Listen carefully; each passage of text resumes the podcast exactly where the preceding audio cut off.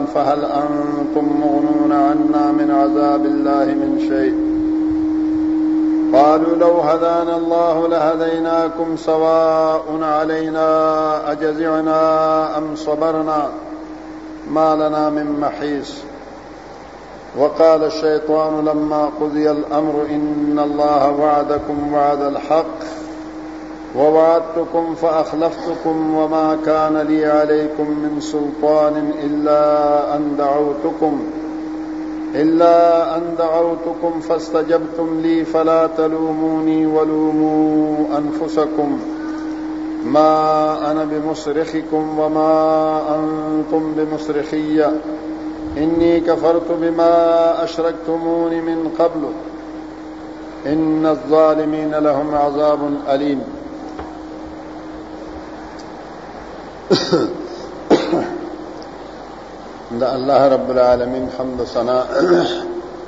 او محمد رسول الله صلی الله علیه و آله وسلم باندې درود او سلام نرسته زما محترم او معزز الله رب العالمین احکم الحاکمین مون پیدا کړیو او د دنیا کې د همیش پاتې کېدو د پاره نه یو پیدا کړی بلکې یو ورځ د سراتلون کې ده چې موږ به د دنیا نه زو او الله رب العالمین ته مخامخ کیږو او الله رب العالمین چې موږ دنیا کې څه کړی د هغه ټول اعمالو پورا پورا سزا او پورا پورا بدله به مونږ ته راکړي نو الله رب العالمین زمونږ د تخلیق سره سره زمونږ یو دشمن زمونږ یو مد مقابل مونږ د پاره پیدا کړی چې هغه کې هغه ته په بل الفاظو کې دا ویل پکار دی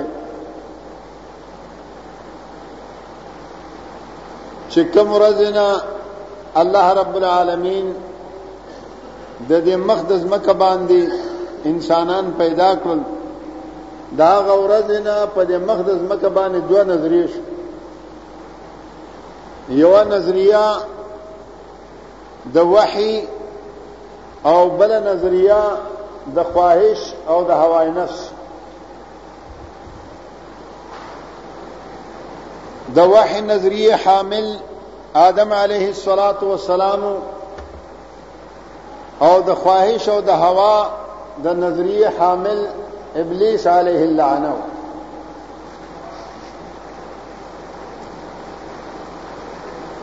تاسو ته پته ده چې د وحي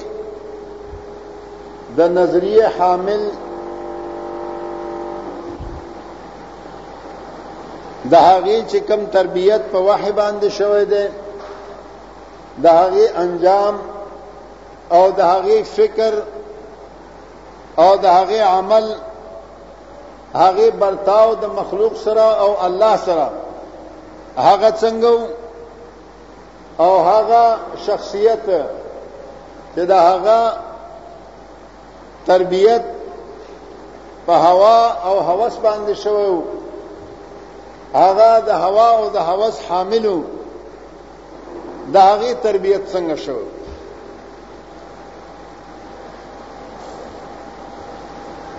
هغه تاسو ته ظاهر ده معلوم ده چې الله رب العالمین آدم علیه الصلاۃ والسلام چې د وحی حاملو د وحی نظریه حاملو هغه ته ویل چې ولا تقربا هذه الشجره اے آدم ته او حوا په دې جنت کې اوسېږئ خو دې ونې ته مه نږدې کېږئ فرشتو ته په شمول د شیطان دا امر الله وکړو چې اسجدوا لآدم آدم ته سجده وکړئ التا غوی ته ویل لا تقربا هذه الشجره او دوی ته ویل چې اوس جدو لی ادم اوس حکم عدولی د دواړو دواړو نو شو آدم علیه الصلاۃ والسلام او حوا ته ویل شو چې تاسو به دیونی ته نه نږدې کیږئ هغه نه غلطي وشو نږدې شول هغه ته ویلو چې اسجدو سجده وکړئ نو هغه سجده ونه کړو رب العالمین د دواړو نه باز پرس کوي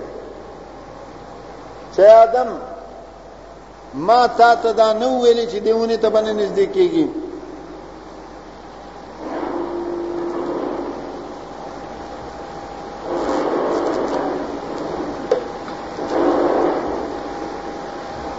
ما تا ته دا نه ویلې چې دیونه ته باندې نږدې کیږي نو هغه جواب داغه د وحی روزنی د وحی نظریه مطابق ورته ویل چې ربنا ظلمنا انفسنا وان لم تغفر لنا لنكونن من الخاسرين اے رب زستا بندم تا پیدا کړم تا را ته حکم کړو ما نه نافرمانی وشو ما خپل ځان سره ظلم وکړ اے رب که ته ما ونه بخي تر باندې رحم ونه کی زبر خساره او د ځان منو نشم دا عجز او انکسار د خالق په حضور کې د څه وجه نه د دې د وحي نظریه د وجه نه د وحي د تربیت د وجه نه د ابلیس نن ته پوسو شو الله فرمای چې ما منعک ان تسجد اذ امرتک چې کله ما درته حکم وکړو د سجده کولو د سجدې نه کم شي منع کړی څه رکاوټ و درته ولې دې ونه کړو نو هغه رد جواب ورته ورکوي لم اکن لاسجد لبشر خلقته من طين زه د داسې انسان ته د سجدې کولو لپاره تیار نه یم چې تا د خټو نه پیدا کړی دا د هوا او د خواهش او د هوس نفس د هغې د نظریې حامل او د هغې د تربیت اثر و نو اوس دلته مونږ ته الله رب العالمین په دې لوستل شوی آیتونو کې ښیي چې ای انسانه ته به همیش ژوندی نه یو ورځ رب ته ورتلل دی وبرزو لله جميعا دا ټول کائنات دا ټول مخلوق به الله ته یو ورځ پیش کیږي وبرزو لله جميعا بیا هلته دنیا کې ډیر خلق تابع دي او ډیر متبوع دي څه کشران دي څه مشران دي څه شاګردان دي څه استادان دي څه پیران دي څه مریدان دي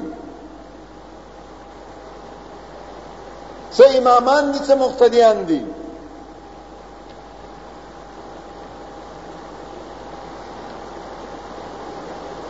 نو الله فرمایي فقال الضعفاء للذين استكبروا ا کمزوري خلک کشران خلک مریدان شاګردان مقتدیان دا مطبوع خلق دی به وای انا كنا لكم تبعا من خستاسو تابعدارو من خستاسو خبره منله تاسو چې کومه لار راته خودلې پاغه لار روان تاسو به چې څه ویل هغه کار مونږ کاو تاسو چې د کم شي نه منې کوله مونږ منې شیو تاسو چې به ویل دا وکړئ نو مونږ کړی دی اوس په مونږ باندې سخته ده په مونږ باندې تکلیف ده مونږ د الله په گرفت کې راغلي یو فهل انتم مغنون عنا ایا تاسو مونږ نه څه بې پروا کولای شي من عذاب الله من شيء دا الله تعالی د عذاب نه څه څه کمای کولای شي څه سپکولای شي څه تخفیف را باندې کولای شي ولی دنیا کې هر خبره مونږ تاسو منلې تاسو د پاره ټوپک پوچت کړی تاسو د پاره اهل حق سره دښمنی کړی ستاسو د پاره ستاسو په مرسته کې مونږ کتابونه لیکلي دي ستاسو په مرسته کې مونږ تقریرونه کړي دي ستاسو په مرسته کې مونږ جګړې کړې دي ستا خبره مونږ د الله او د الله تعالی د رسول د خبرې نه وړاندې کړې ده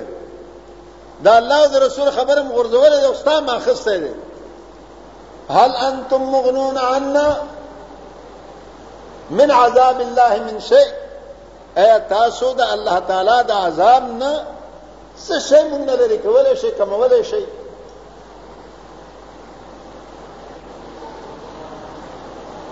هغوی به څه وایي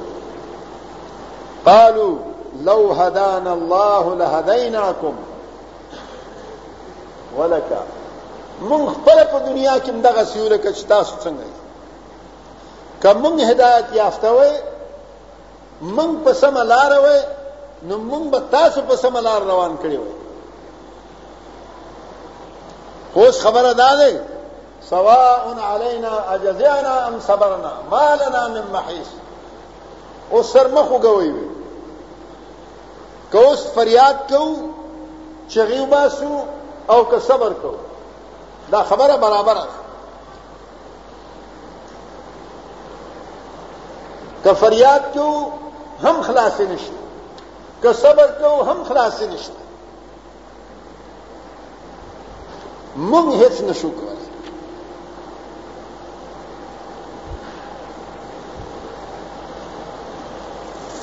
الله رب العالمین مونږ ته هغه نقشه دلته وړاندې کوي چې دنیا کې خود ته همیش بنئ یو ورځ شته دی چې زما حضور ته به راځئ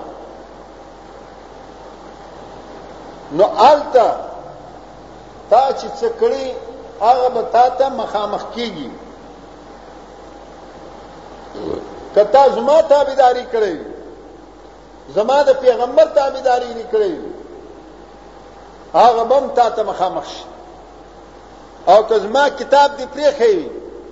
زما پیغمبر سنت دی پرېخې او بل چا پسې تلې هغه بم درته مخامخ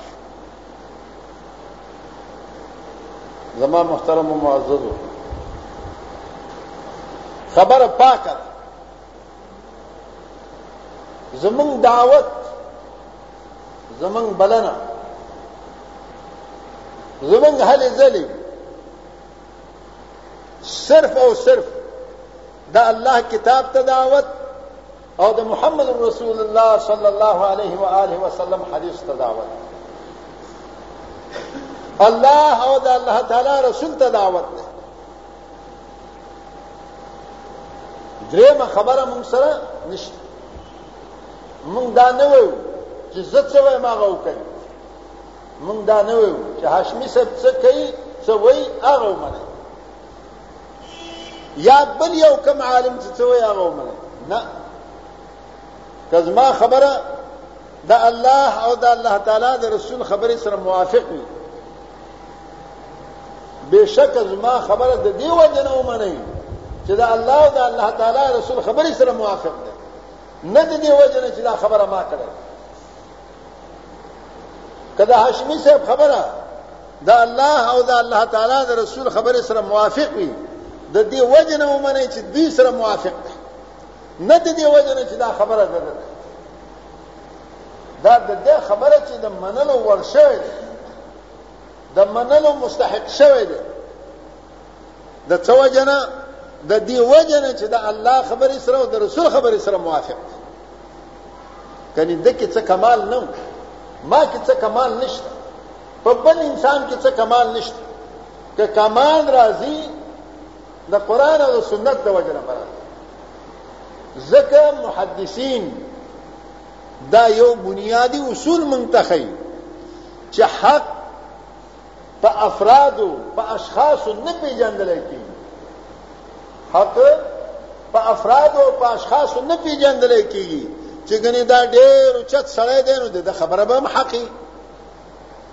بلکې هغه افراد او اشخاص په حق باندې پیژندل کیږي افراد او اشخاص په حق پیژندل کیږي کله حق وینا کوي په حق عمل کوي نو دا اوچت سړی دی او که حق عمل نه کوي او حق وینا یې نه وي هر څومره چې دنیا ته اوچت ښکاري الله په نیز باندې لا یزن جناح بعوضه ډېر خلک به داسې چې قیامت په ورځ به راشي ډېره ټکه ټبی دنیا کې به خلکو ډېر اوچت ورته ویلي خو قیامت په ورځ الله تعالی په حضور کې د یو مچ او یو ماش د وزر قدر ته داغي وزن بنئ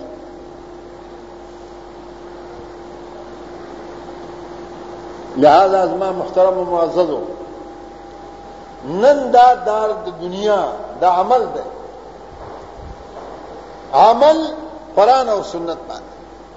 که موږ نن دلته عمل په قران او سنت باندې وکړو قیامت په ورځ دا الله په حضور کې به سرخرو یو او که نن هم عمل نه کړو سبا په ورځ د قیامت به سرخروی نه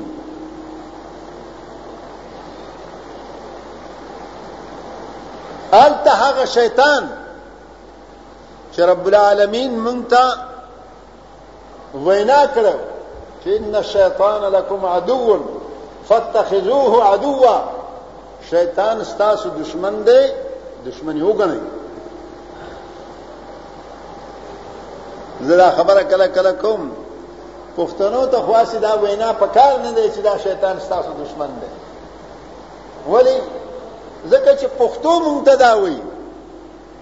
پښتو کې دا خبره ده چې یو سړی ستا کور ته ننوځي او ستا مور او ستا پلار بربند کی هغه ته تا پښتو کې څه وایي هغه سړی د هغه پښتنو څه وایي دشمنی ده که الله نه وی ویلې چې دا شیطان ستاسو دشمن دی نو پښتنو د پاره پکارو چې دا دشمن کړی ولی دا شیطان زمون کور ته جنت تراننوته او زموږ مور او پلار آدم او حوا دای بربند کړی زموږ خو ازلی دشمن دی نو پکار دا دی چې موږ یې دشمن کو ولیکن افسوس دا دی چې هغه دشمن چې زمونږ د مور او پلار نه کپړې وستي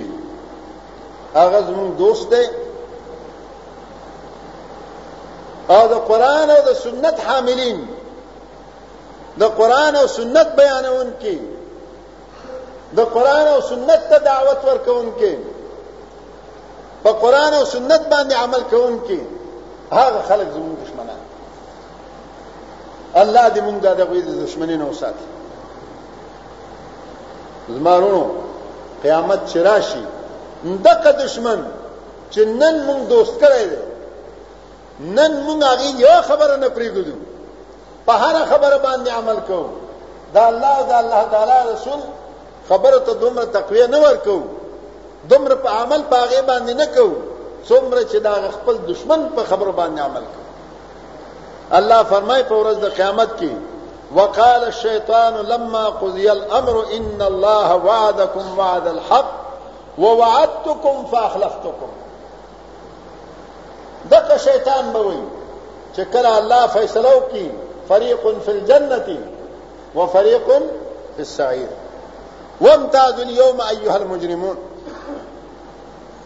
الله جدا کی مجرمان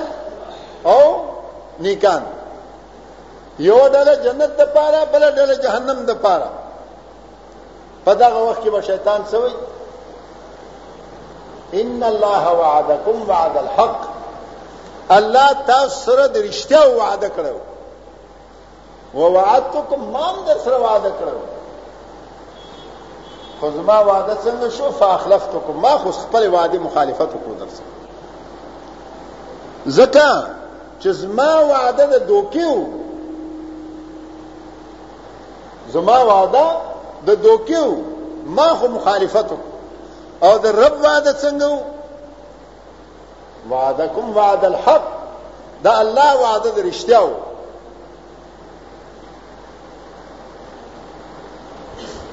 تاسو څه چل وکړو تاسو زما خبره ومنلو دغه دوکې وعده هغه رښتیا وعده او یقیني وعده هغه پرې خو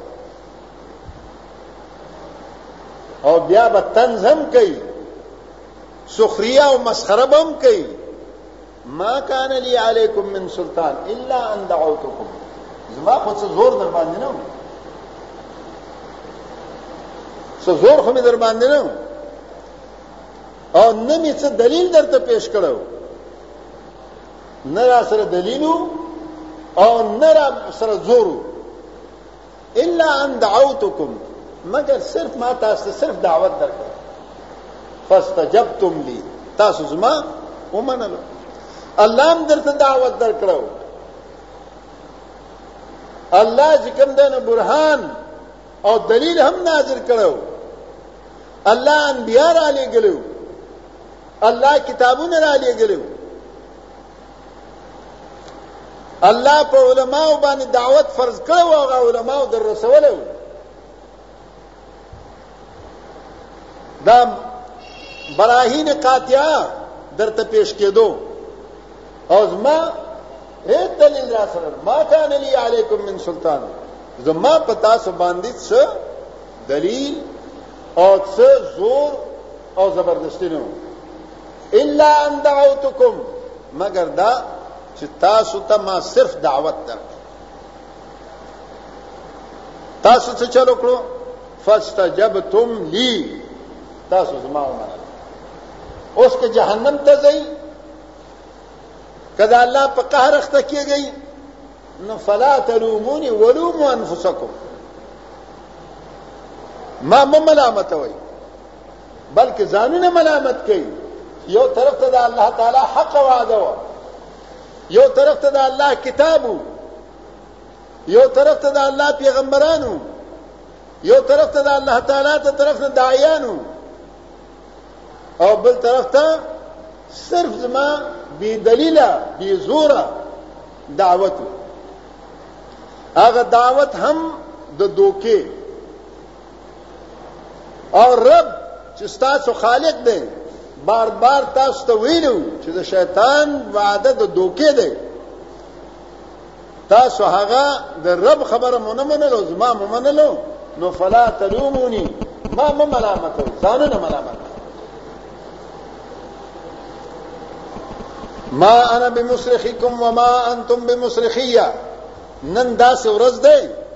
چې زما فریاد رسی تاسو نه شي کول او تاسو فریاد رسی زنه شم کول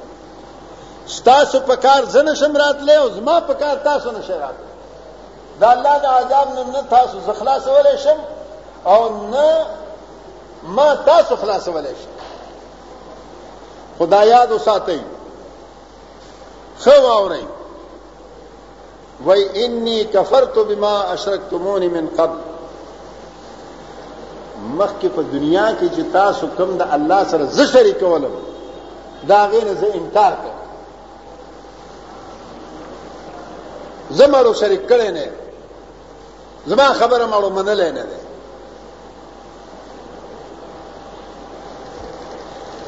قیامت پورز د قیامت نقشه مونږ ته الله خي الله رب العالمین فرمایي چې ان الظالمین لهم عذاب الیم هغه انسان چې هغه خپل دشمن ته دشمن نه وای الله براهین قاطعه نازل کړی دی هغه نه روانيږي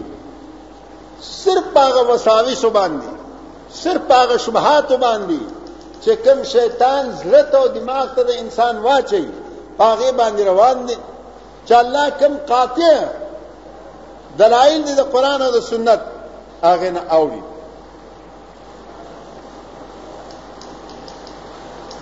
زما محترم معززو د دې لپاره زه تاسو ته یو مثال دو پیش کوم داسې مثال درته پیش کوم چې هغه روزمره پیش کیږي او اوس اوس هم پیش کېږي دلته یو طرف ته رسول الله صلی الله علیه و آله وسلم دا صحیح حدیث دی اذا جاء احدكم المسجد فلا يجلس حتى يركع ركعتين کله چې یو کس تاسو نه جماعت تراش هغه دې نه کینی تر څو چې دوه رکعات نه کوي یو د صحیح بخاری روایت بل د صحیح بخاری روایت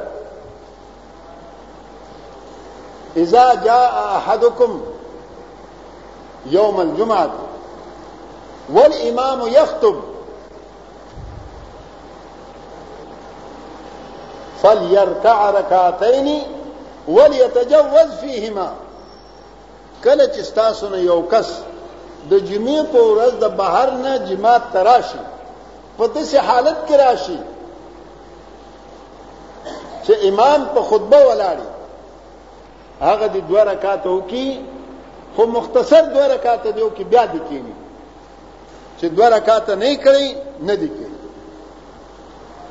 دا قاطع صریح مرفوع صحیح روایت دی رسول الله صلی الله علیه وسلم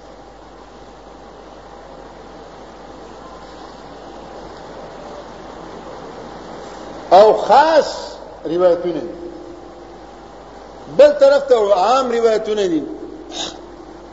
چې رسول الله صلی الله علیه و آله وسلم فرمایي منځونه کوي چې کوم وخت طلوع کیږي نور خيږي دغه وخت کې مونږ مکو او کوم وخت چې بالکل استوا وي ټکه غرمه په سر باندې نور ولاړی پاغه وخت کې مونږ مکو او کوم وخت چې غروب کیږي په دغه وخت کې مونږ مکو دا عام حکم دی رسول الله صلی الله علیه وسلم اوس یو مسلمان دی دغه عموم راخلی او دې خاص حدیث سره ټکراوي چې پیغمبر ویلي دي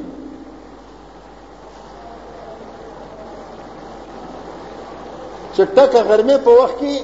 مونږ باندې کوي لہذا بهر نه جماعت نه بهر نه راشه جماعت کې مدسي کینی مزدیګر نه وروسته د بهر نه راشي همداسې کښېني سهار لمانځه نه وروسته راشي همداسې کښېني هلکه یو خاص حکم هغه عام دی دا خاص حکم د رسول الله صلی الله علیه وسلم کوي چې کله تراشی کله چې تراشی اذا جاء احدکم اذا دخل احدكم المسجد کله چې یو تاسو نه جماعت ته داخل شي دا رسول الله صلی الله علیه وسلم دا تفریق نه کړی چې مسجدګر نه ورسته که داخل شي نو مې کوا سبای مانځه نه ورسته داخل شي نو مې کوا که غرمه داخل شي نو مې کوا نه یو تحری دی چې ته ناست نه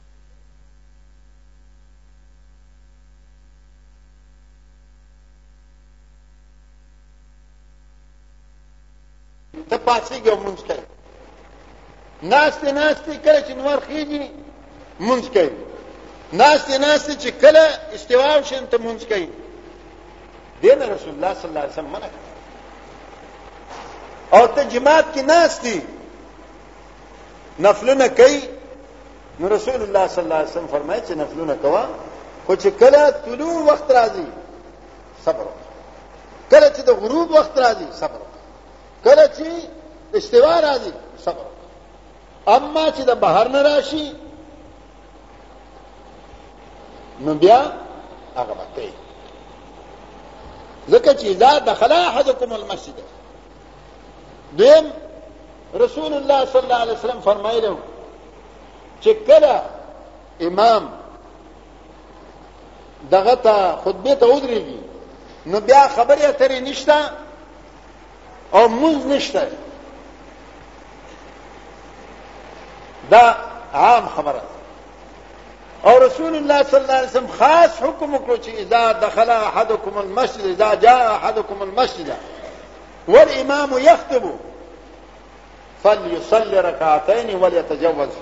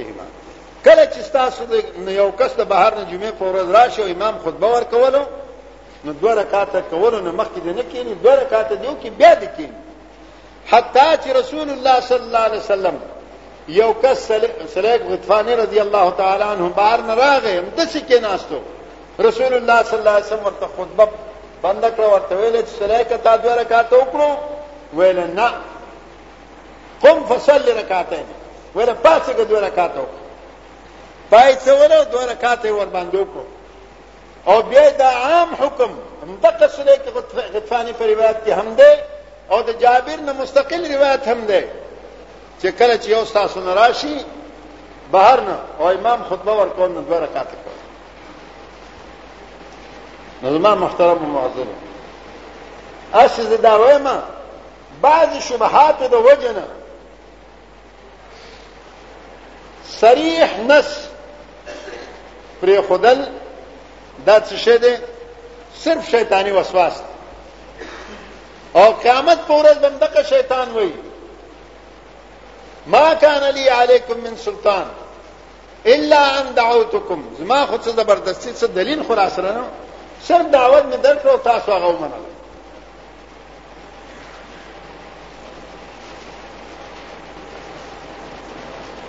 بارونو ځان په مقصد باندې پویول پکار چې یو طرف ته د پیغمبر صریح حدیث وي او بل طرف ته زما او ستا شبهات وي پکار دا دی چې مونږ پاغه شبهات باندې د الله او د الله تعالی رسول خبره وړاندې ځکه الله مونږ ته وایي یا ایها الذین آمنو لا تقدموا بین یدی الله ورسوله ایمان والو تاسو د الله او د الله تعالی د رسول نه مو وړاندې کړئ خپل خبره د الله او د رسول نه مو وړاندې کوئ لکه اوس تاسو نه مخکې د زمونږ ورور مقصود صاحب یو زبردست حدیث بیانو دغه زبردست حدیث صرف په شبهات باندې رد کوي او شبهات څه شی دی وایذا قرئ القرآن فاستمعوا له چې کله قرآن پاک لوستل کیږي نو تاسو ورته وګورئ وایذا قرئ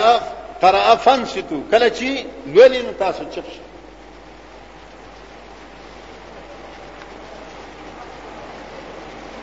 او دلته رسول الله صلی الله علیه وسلم خاص حکم کوي یو خدا فرمایي چې لا تقرؤ بشيء من القرآن اذا جهرتو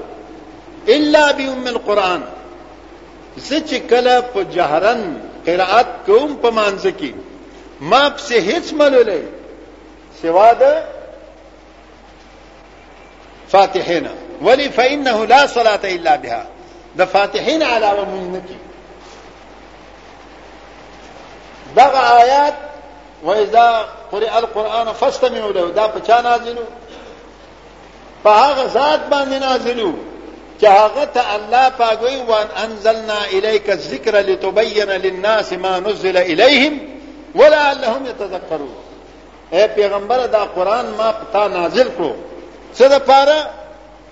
لتبین للناس دې د پاره چې ته خلکو ته بیان د دې قران شارح او د دې قران مبین څوک دی محمد رسول الله صلی الله علیه وسلم دا شارح د چا د طرف نه دی دا بیان د چا د طرف نه دا الله رب العالمین دی الله منتخب کړی دی بیان د پاره نو هغه ذات چې چا باندې دا قران دا آیات نازل وو مکه ذات وای چې لا تقرأوا بشيء من القران اذا جهرت کله چې زه جهرن قرات کوم تاسو هیڅ شی منلې د قران پاک نه سوا د فاتحه نه ولی فإنه لا صلاة الا بها علماء وی چې کوم وخت کې خپل شبهات تایید دي علما څه وایي هغه دا وایي چې راوی الحديث عالم بروایته یو حدیث چې چا روایت کړی وي هغه په خپل روایت په مقصد باندې ټول نه زیات پويږي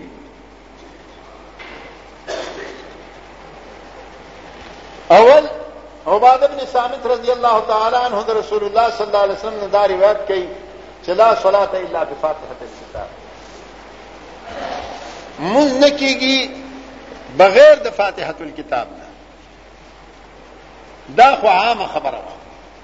نه پکې مقتدی ذکر ده نه پکې امام ذکر ده نه پکې منفرد ذکر ده لیکن دغه قانون چې کوم محدثینو کې خو ده چې راوی د حدیث عالم وی په معنی د حدیثو باندې ام دغه عباد ابن صامت امام څه د سبعی منځ کوي امام هم لګیا دی قرات کې پزور پزور او بعد ابن سامت هم قرات کوي رو رو څنګه چې کوم سره ولاړو مانځنه ورسته تپوس کوي چې تا خو د امام سي الحمد ویل ویل او رسول الله صلی الله علیه و آله وسلم یو وار منځ را کاو سبای مونږ هغه کې لک تیر وکړو چې سلام وګرځو نو وی فرمایل چې چا ماپ سي قرات کولو ویل او و ما ویل چې څه چل دی چې دا قرات را نه راخل کیږي یعنی ما په زور قرات کولو هغه په زور لګیاو چې دا څوک یاد وساتئ چې کله زه جهرن قرات کوم نو هیڅ بنه وای سوا د فاتحه نه ځکه چې بغیر فاتحه نه مونږ نه کی راوی د لا صلات الا بفاتحه الكتاب عباده بن صامت د دې لا تقرأوا بشيء من القرآن اذا جهرت الا بهم القرآن د دې راوی عباده بن صامت خپل عباده بن صامت د امام سره لګیاوی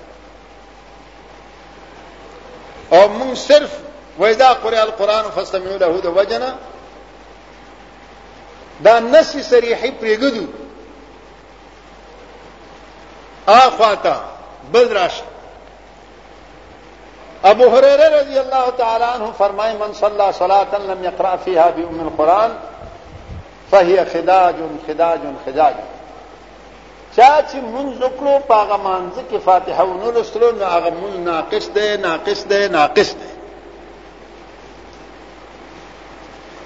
دا ابو هريره شاګرد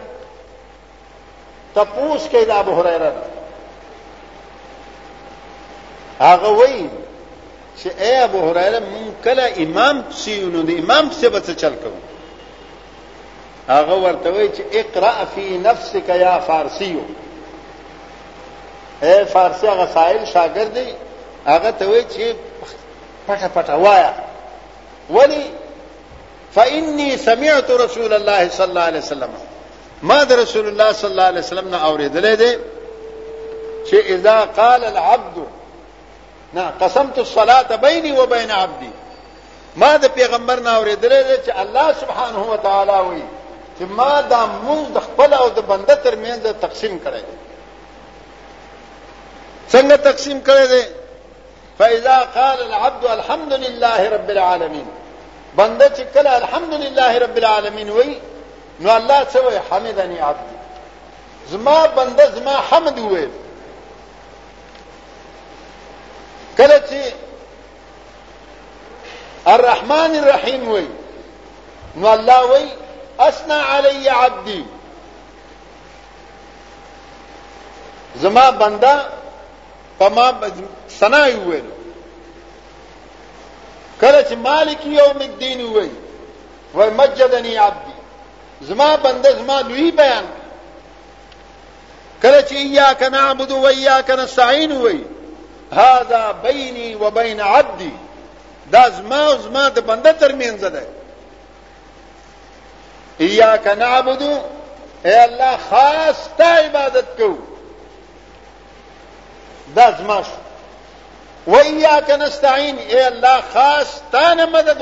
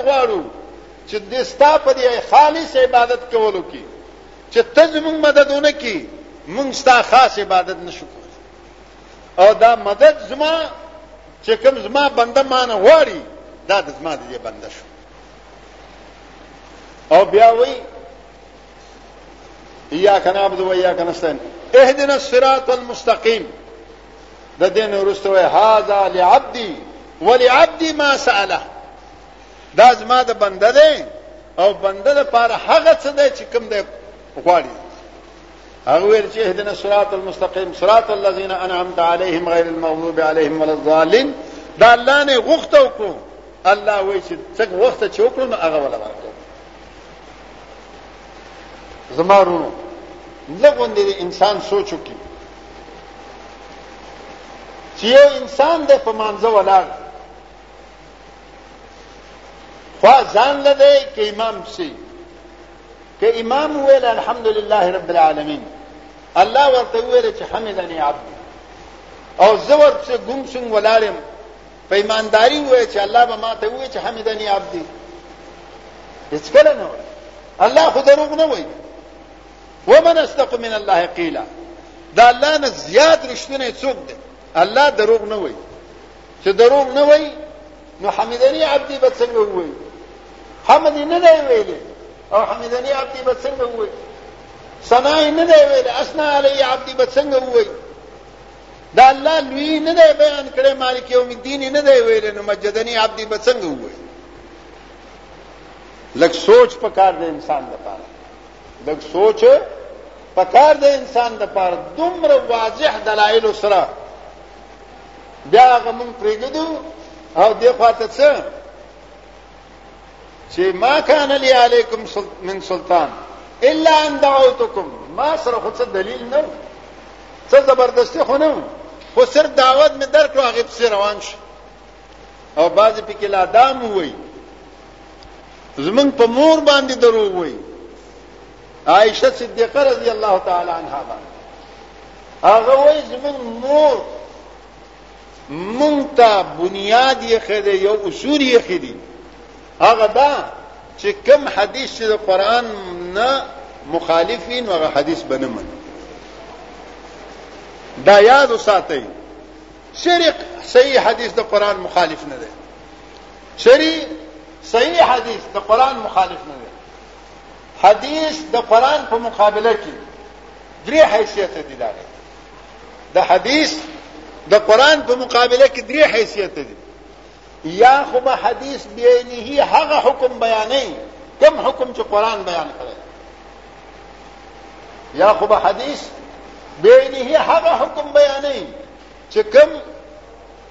قران بیان کړی یا به حدیث د قران د اجمال تفصیل بکې د قران د عام تخصیص بکې د قران د اطلاقاتو تقید بکې درم یا به قران پاک یعنی حدیث امر زائد یو حکم زائد به بیانې چې قران کې باغ نه الله به داغه نه خاموشي الله باغ بیان کړي نه او دغه بیان د محمد رسول الله صلی الله علیه وسلم خپل به الله پاک لہذا دا ویل چې دا حدیث د قران خلاف دی دا غلط دی هغوی وی چې اوس وای دا قرئ القرآن فاستمعوا له قرآن دی او د تلا صلات الا بفاتحه الكتاب حدیث دی لہذا دا حدیث به پیږي او که ورته دا وښودلی شي چې د دین یو اهم آیات هغه به ته هم ووایي چې مخالف دی او همدغه عایشه رضی الله تعالی عنها ده چې خلک پې ټوکي چې دا حدیث څنګه ته نه مني الله په قران کې وایي اگر چې دا ټکی زموږ پښتانه نه مني قران دی خو پښتانه نه مني الله څه وایي یوسیکم الله فی اولادکم للذکر مثل حظ الانثیین الله وصیت کوي تاسو ته تاسو د اولاد په باره کې للذکر نر د پاره مثل حظ الانثیین لکه دوه حصے د خځې څه مطلب چې یو سړی مرشي یو زوی دوه دوه نونی پاتې شي مال بسم دوه ځای نیمیږي نور هیڅ نشته دی مړی نه خزشته نه مور شته نه پلار شته خو یو زوی دی او دوه نونی دی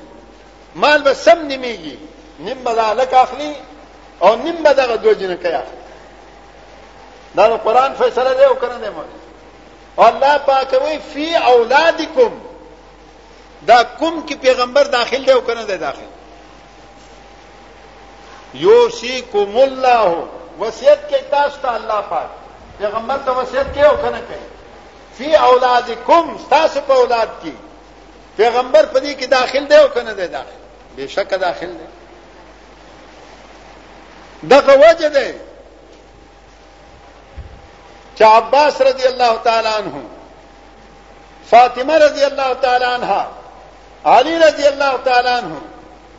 د رسول الله صلی الله علیه وسلم ټول بیبیانی چې کله رسول الله صلی الله علیه وسلم فوت شو ابو بکر ترال خذ ویل چې مونږ ته سمن پکار دی د خپل خاوند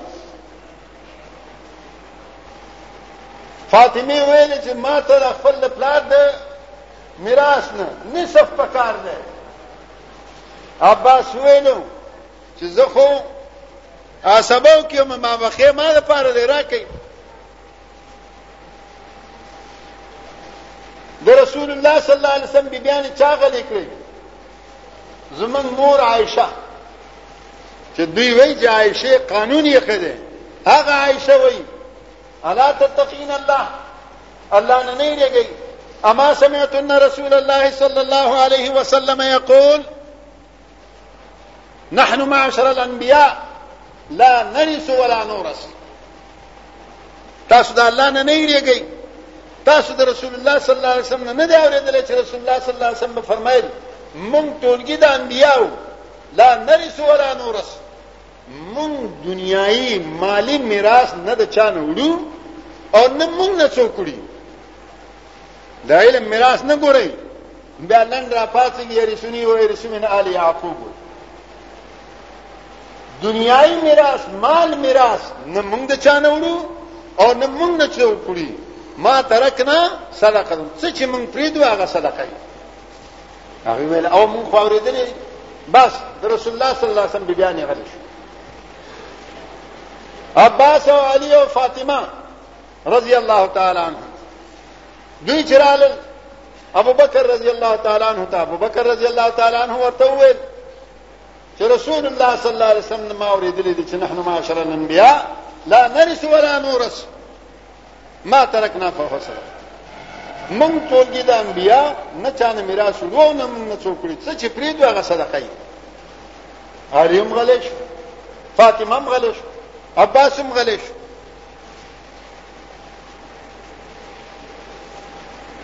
کدی ظاهری په دې خبره باندې چې دا حدیث د آیات مخالف دی نو بیا خو په دې حدیث باندې عمل نه وکړ دا خو شیعاګان رښتیا وایي شیعاګان ابو بکر او عمر سره څه دښمنی دی دښمنی دا دی باغ فدک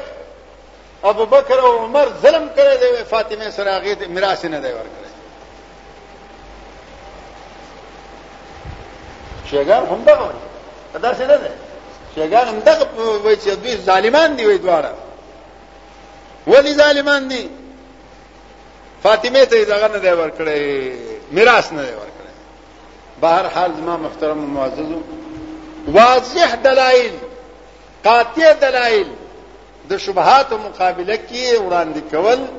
او قاطع دلایل پرېښودل دا د مسلمان کار نه دی دا شیطانی وسواس دی او شیطان به په ورځ د قیامت کې دا وایي ما کان لی علیکم من سلطان الا ان دعوتکم زما په تاسو باندې څه زبردستی نه و سوا د دې چې ما دعوت درکړو فاستجبتم لتاسو زما ومنل د مانځه خپل کار کوه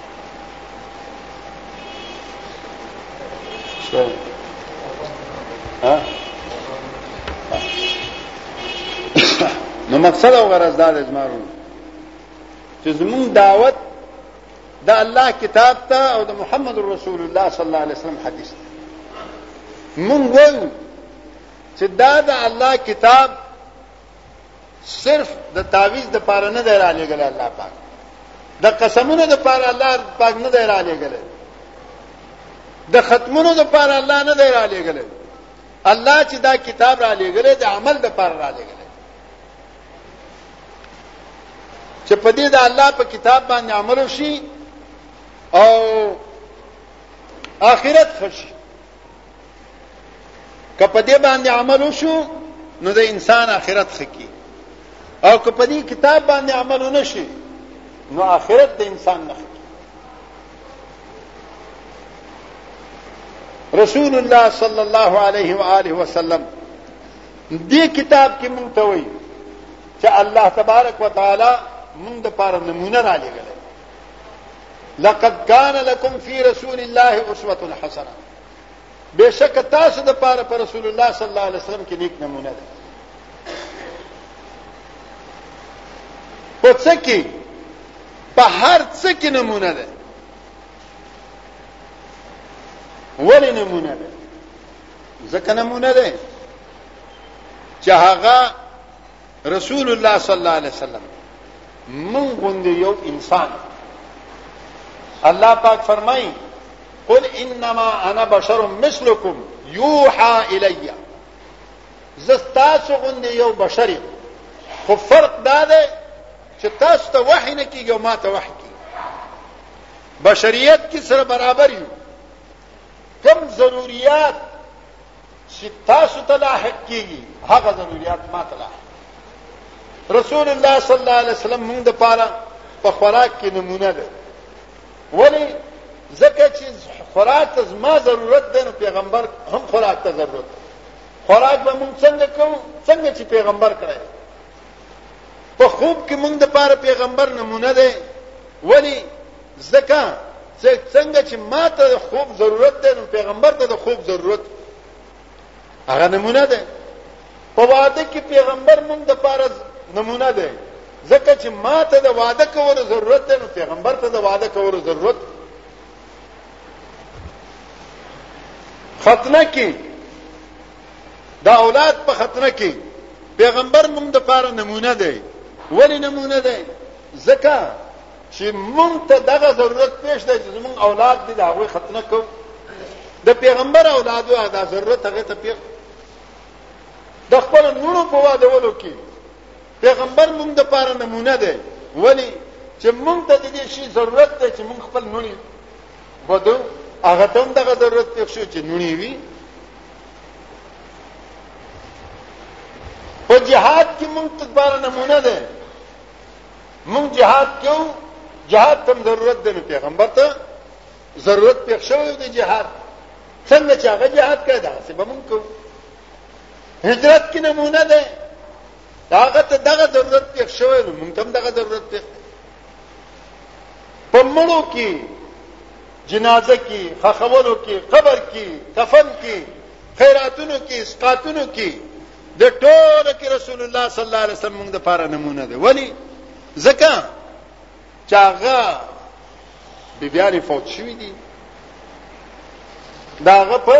ژوند کې نونې فوت شوي دي د هغه په ژوند کې صحابه فوت شوي د هغه په ژوند کې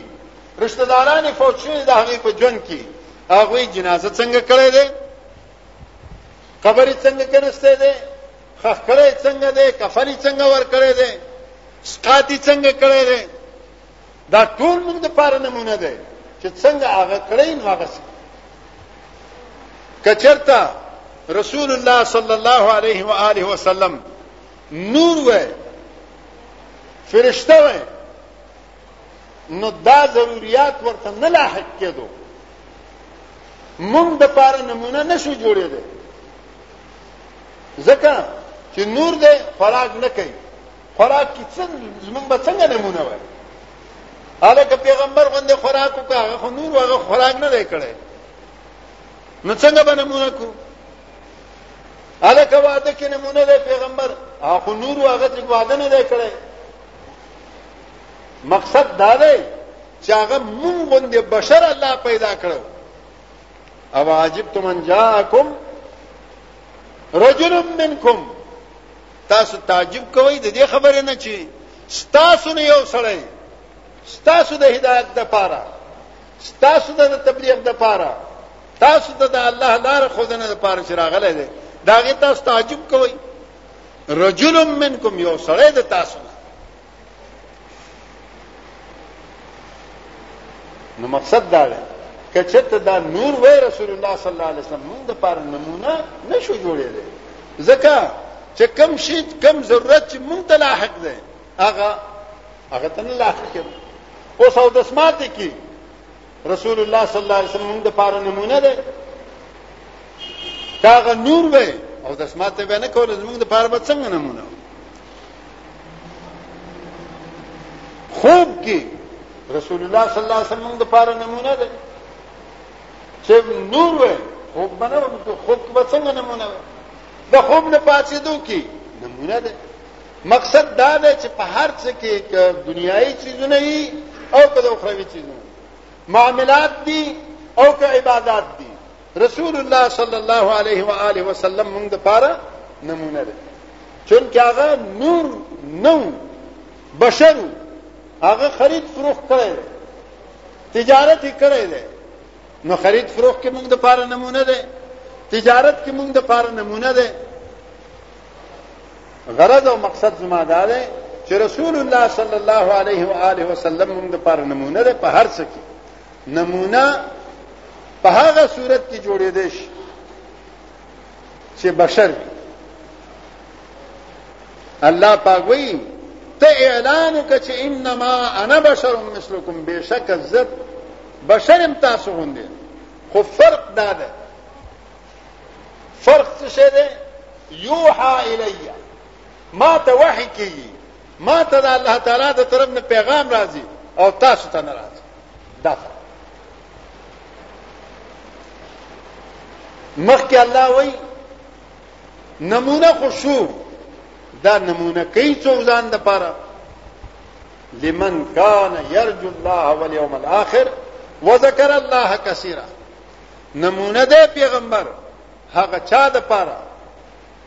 يرجو الله